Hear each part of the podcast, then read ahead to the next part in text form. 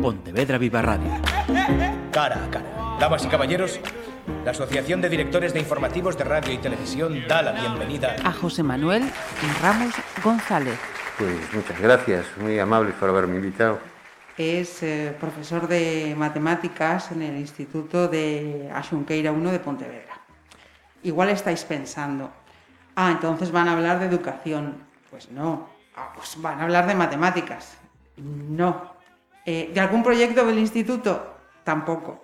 Vamos a hablar de, de una, no, de dos aficiones que tiene José Manuel y que tienen como resultado el libro que además voy a agradecer que nos haya regalado. Andrés Muruáis, El díscolo bardo del Lérez. Así que repito, muchas gracias, José Manuel. Ah, un placer. Decía, tienes eh, esas eh, dos aficiones, la historia de Pontevedra y la literatura del siglo XIX. Dos aficiones que creo que son más que aficiones, porque no solo lees, sino que investigas. Le dedicas muchísimas horas a esto. Sí, sí, bueno, precisamente por eso son aficiones. Eh, las matemáticas son, digamos, que lo que me permite vivir y, la literatura, en este caso, y la historia es lo que me permite disfrutar. Entonces le dedico mucho tiempo porque, bueno, aquí los inviernos en Galicia son largos y hay que ocupar el tiempo libre de alguna manera. Y sí, eh, pues el producto de mis investigaciones pues ha llevado a buen término la elaboración de este, de este, este libro, que espero que, que, guste a la gente. Por lo menos he intentado escribirlo de una forma amena, que no sea excesivamente erudito, ¿no? porque las biografías a veces son, se hacen pesadas. Y bueno, aquí está, y tratando de presentarlo. Luego daremos, eh, diremos dónde se puede conseguir este libro, que no es el único que hasta la fecha ha editado José Manuel, porque el primero, corrígeme ¿eh? si los datos no son correctos, el primero fue la ecuación de Maupassant. La ecuación Maupassant, sin el D. Sin el D. Sí. Vale, pues había puesto yo aquí un D de más.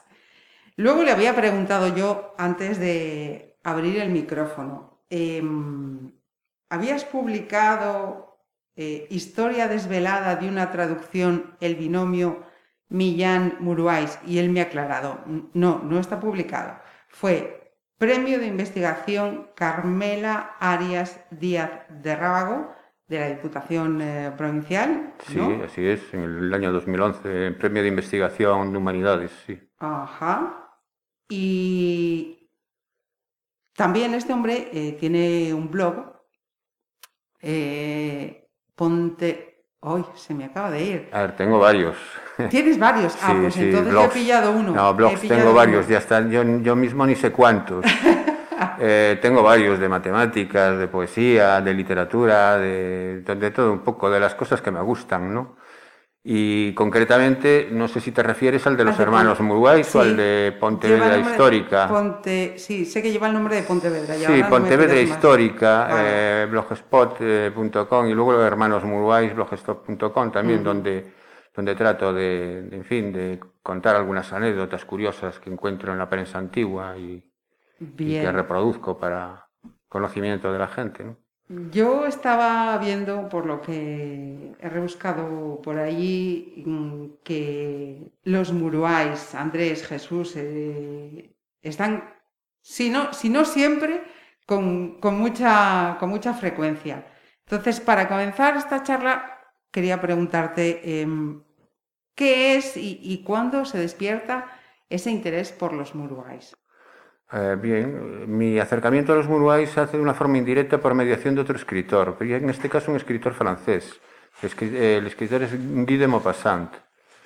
Mm, yo eh, soy muy aficionado a la literatura, como has dicho antes, a la literatura del siglo XIX y en particular a la francesa, al naturalismo francés del XIX, Zola, Maupassant, eh, los hermanos Goncourt, bueno, toda esta playa de escritores tan, tan conocidos. Y yo elaboré una página web sobre, sobre Guy de Maupassant ya hace muchos años, cuando empezaba todo el boom de Internet.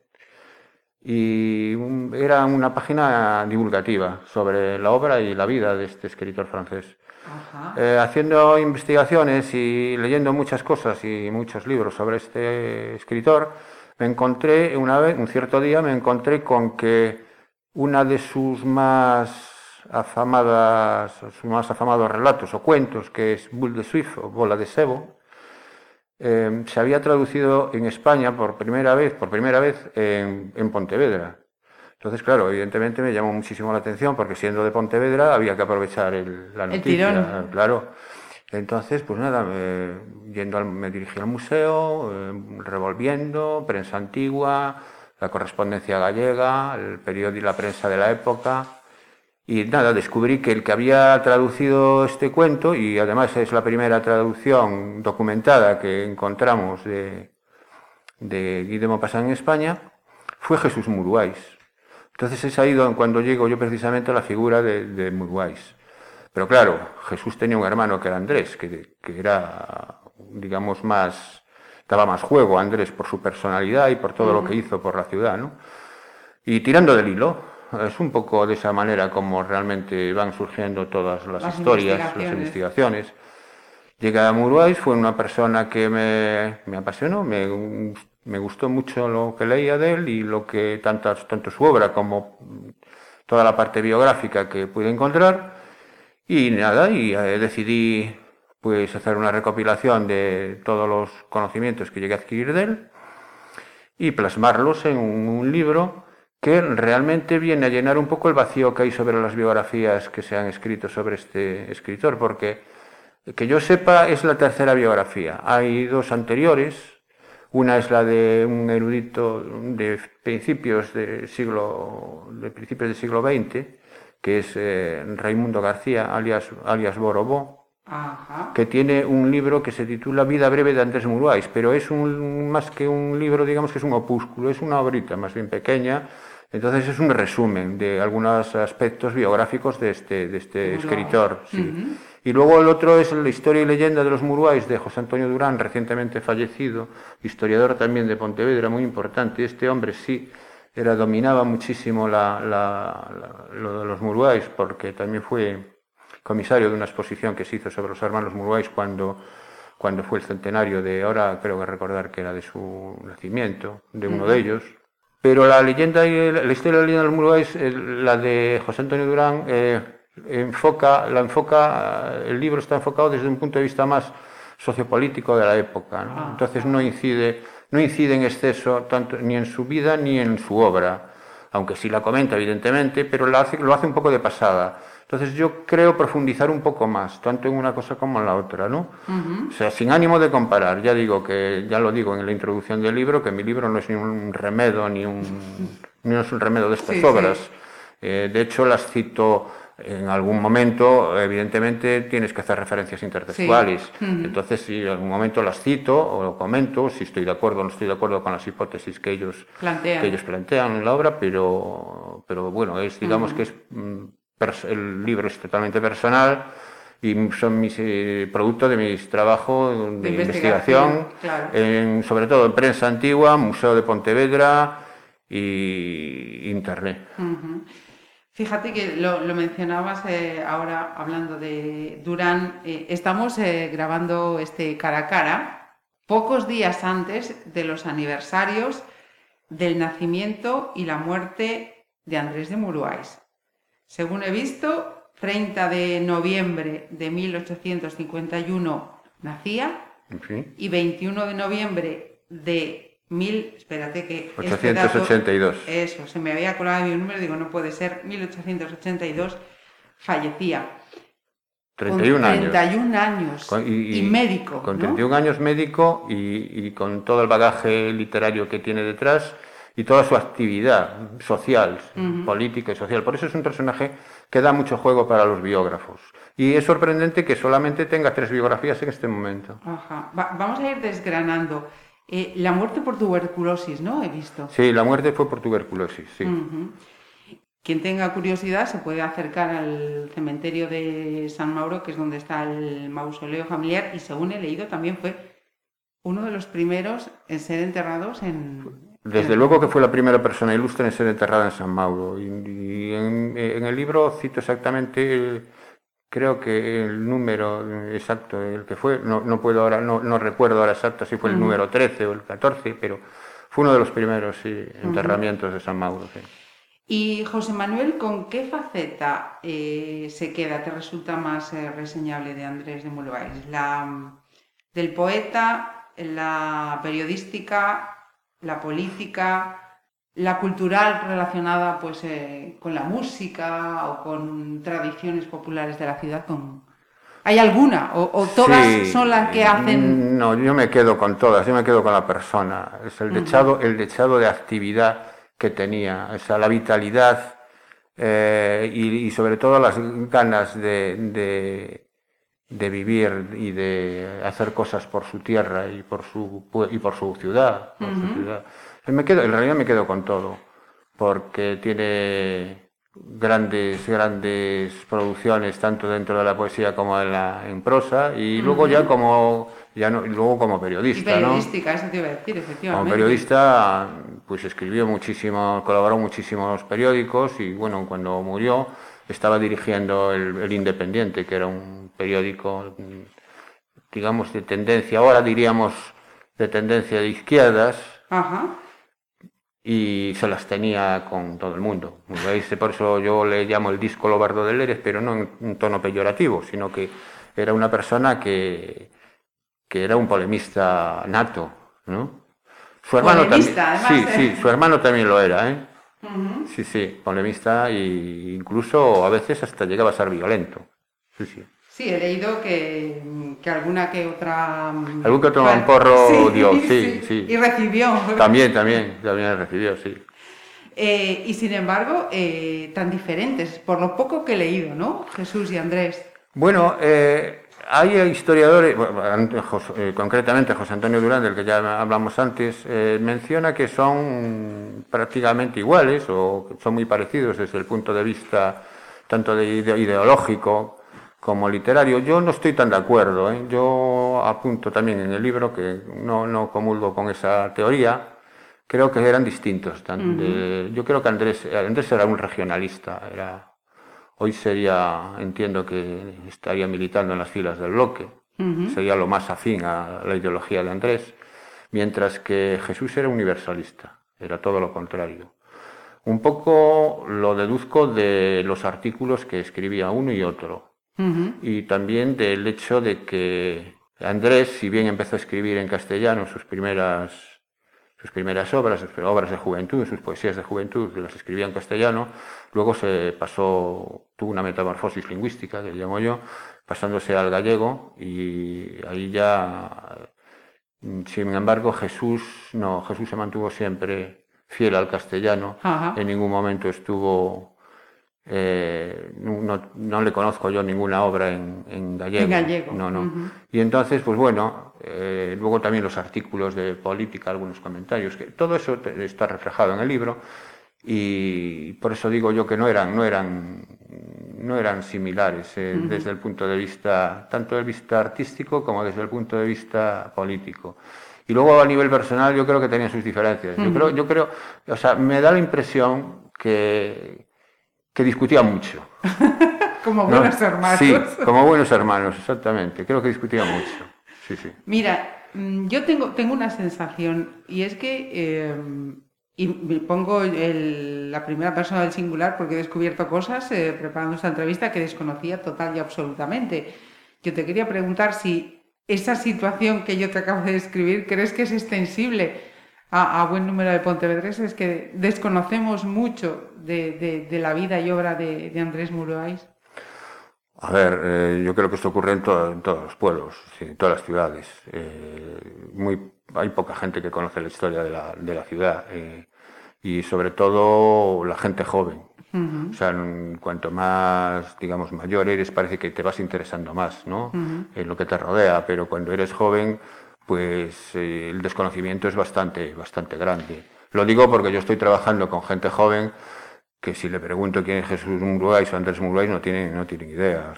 Es una lástima que no haya alguna asignatura que... Que sea historia de tu propia que ciudad, aunque sea optativa, ¿no?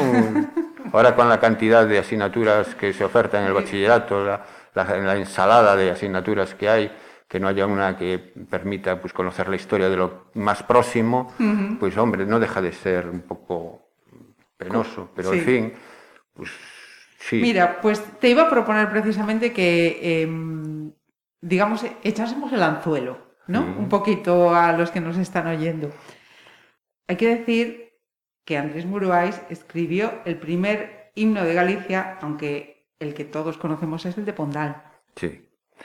Sí, también el primer himno de Galicia documentado que mm, tenemos, digo documentado porque no quiero tampoco decir Hacer que de sea, menos a eh, no, no quiero, no quiero tampoco pontificar, o sea, hacer subir a los altares. a Sí, no, subir a los altares, no quiero decir mm, soltar un dato que a lo mejor no es cierto, ¿no? A lo mejor pues hay otro himno previo. Yo digo documentado porque es lo que encontré, no encontré otro anterior. Y efectivamente, eh, él escribió un himno que le fue puesta música y yo logré que el coro del instituto donde trabajo, con la partitura en la mano, lo cantara. Y bueno, es un himno muy parecido a la marsellesa, tiene así un aire de himno marcial de, esa época. Y fue el primero, sí, fue el primer himno a Galicia. Sí. Fíjate que me acabas eh, de eh, decir en una frase do- dos cuestiones que yo tenía eh, anotadas en relación a Muruáis. Uno, el coro, Sí, que fue algo que también eh, llevó adelante Andrés Muruáis, ¿no? Los amigos. sí, sí, un orfeón, sí. Y luego he leído también algo de la marsellesa. Yo creo que eran miembros de este coro que anualmente puede ser que le rindieran un tributo cantando la marsellesa. Sí, sí, acudían a su tumba, cuando eso ya después de fallecido Andrés, todos los años acudían a su tumba, eh, el aniversario de su muerte, a cantar la marsellesa, que era el himno favorito de, de él, sí. Ajá. Bien, eh, otra cosa más. Si salimos a la calle y preguntamos cuál fue la aportación de Andrés Muruáis al Carnaval de Pontevedra, ¿nos, nos darían la respuesta? Pues no. sí, sí, mira, curiosamente ¿Sí? ese es un dato que sí conoce mucha gente. Ajá. Debe ser porque es un dato lúdico y a lo mejor pues es más atractivo. Pero el- la aportación que Andrés hizo al carnaval fue, digamos, revitalizarlo absolutamente.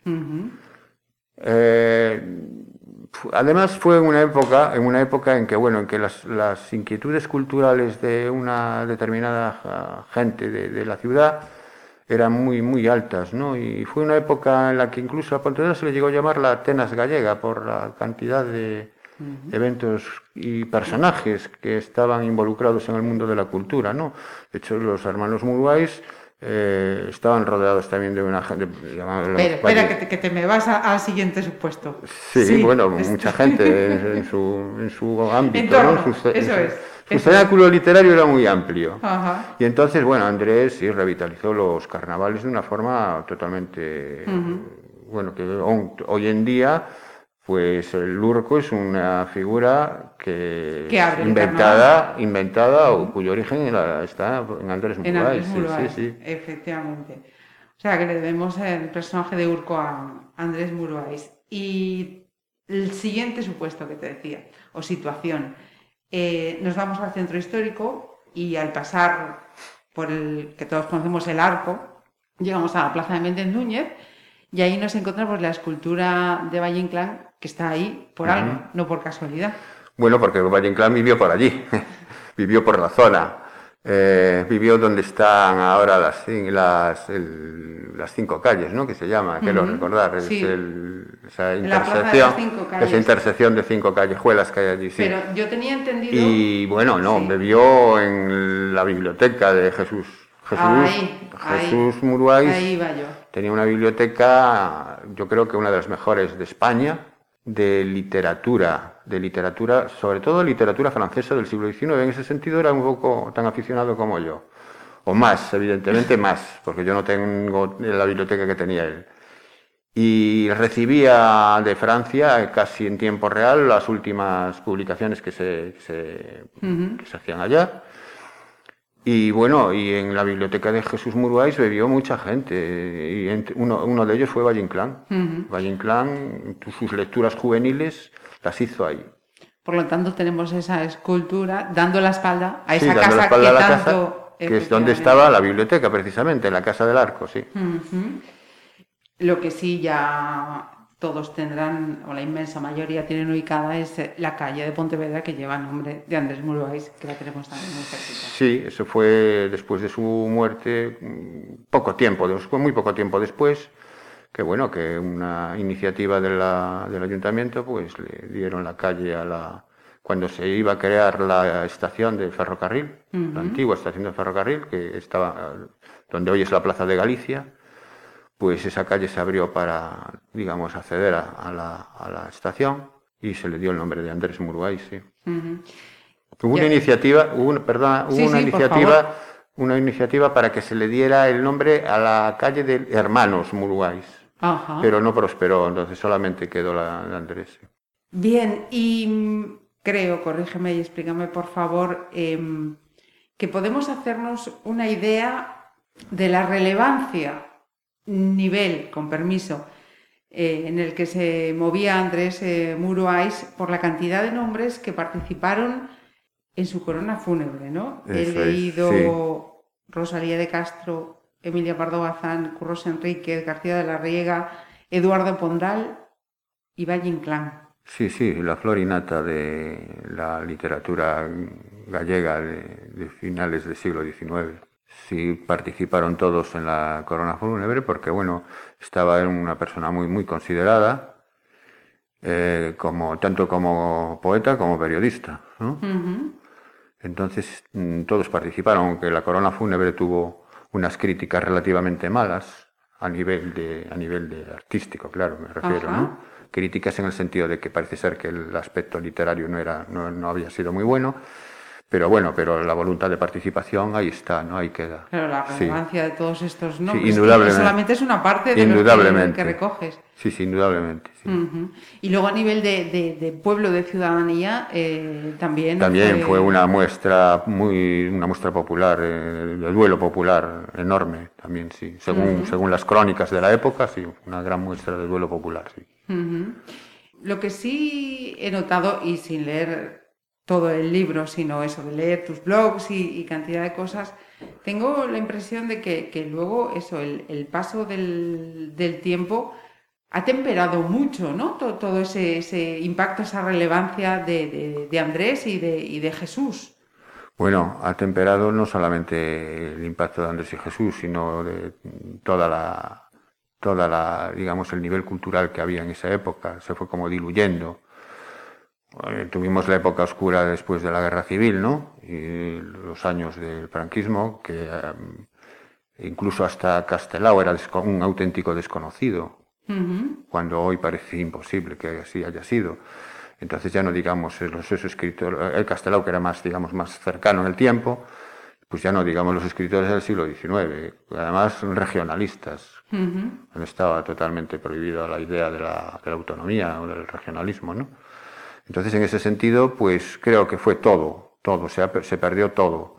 Y ahora se está recuperando. Yo pienso que con estas iniciativas, con ya no solamente, ya no solamente yo, sino hay muchos, muchos, muchas personas en la ciudad que están recuperando el pasado de la ciudad. Y se están, están saliendo muchas publicaciones. Es muy, muy importante eso. ¿eh? Fíjate que eh, efectivamente lo que acabas de decir, eh, somos muchas personas las que estamos ahí investigando, rebuscando, recuperando ese pasado. En tu caso, José Manuel, ha sido difícil la labor de, sacar este, este, trabajo adelante. Quiero decir, al final el bolsillo y la iniciativa particular es la que consigue que podamos tener esto sobre la mesa o hay una apuesta eh, de, la, de, la, parte pública. No, no, no, no, no, no. Esto es eh, una iniciativa particular al 100%. Eh, primero, una apuesta pública. Eh, los que escribimos en castellano, porque es nuestra lengua materna y nos defendemos mejor. O sea, yo, yo hablo en gallego y, entiendo el gallego perfectamente, pero no escribo bien en gallego, no me siento cómodo, lamentablemente. Es, decir, es algo que me encantaría, pero lamentablemente no escribo, no sé escribir bien en gallego, meto mucho la pata, ¿no? Entonces yo me defiendo en castellano y escribo en castellano. Bueno, eso ya es un hándicap. Sobre todo a nivel de instituciones, ¿no? Porque si escribes en gallego tienes mm, las puertas más abiertas. Al escribir en castellano las tienes casi completamente cerradas. Eso es lo primero. Y después la segundo me preguntabas, eh, ah, el tiempo invertido. No, bueno, el entusiasmo lo puede todo, entonces el tiempo invertido es lo de menos. Yo realmente este libro hace, hace, siete años que lo tengo escrito. Hace siete años. Ah, sí, sí, hace siete años. Yo lo, eh, lo, que pasa es que me animaron ahora unos amigos a publicarlo, pero ya te digo, hace siete años. Este no es reciente, no, no lo escribí, no lo escribí ayer. No, no, ya y entonces eh, ha sido eso. Eh, sí, sí, ha sido iniciativa. O, o, la de quien haya querido echarte una mano para decirte, venga José Manuel, adelante. Mi mujer que me dijo, venga, yo te pago la, la edición. Fue mi mujer la que me animó a, hacerlo. Vamos a decir el nombre de esta mujer. Julia, Julia. Julia. Sí. Hay que tener un reconocimiento con, con la aportación de, de Julia con, con, esta causa. Eh, ¿Dónde lo podemos encontrar? ¿Dónde se puede adquirir Andrés Muruáis el disco Lobardo del Pues en este momento en las librerías, a ver, en, en el pueblo, en Escolma, en Cronopios hay algún ejemplar también. Y después por internet también se pueden, en algunos portales de venta de libros también se pueden encontrar. O sea que escribimos antes Muruáis el disco Lobardo del Lere sí, y ahí nos, también nos aparece. Pero vamos, que nos cuesta menos ir al comercio local. Sí. Que basta que como está todo, pues vamos a tirar también. Vamos a apoyar la economía local, sí. Que falta le hace, sí. Efectivamente. Pues José Manuel Ramos eh, González, este profe de matemáticas que su tiempo libre lo dedica a esta afición que es eh, la literatura de final del siglo XIX y la historia de Pontevedra. Muchísimas gracias. Nada, gracias a vosotros y espero que os guste el libro. Y yo espero que otro proyecto del que hemos hablado salga adelante cuando esta situación nos lo permita. A vuestra disposición, siempre que lo necesitéis, aquí estoy. Pontevedra Viva Radio ¿Me permiten que les haga un comentario como espectadores del programa Cara a Cara? Según un reciente sondeo de mercado, ustedes disponen de estudios e inteligencias superiores a la media. Sus intereses abarcan desde la actualidad mundial y la ciencia hasta el deporte y los espectáculos.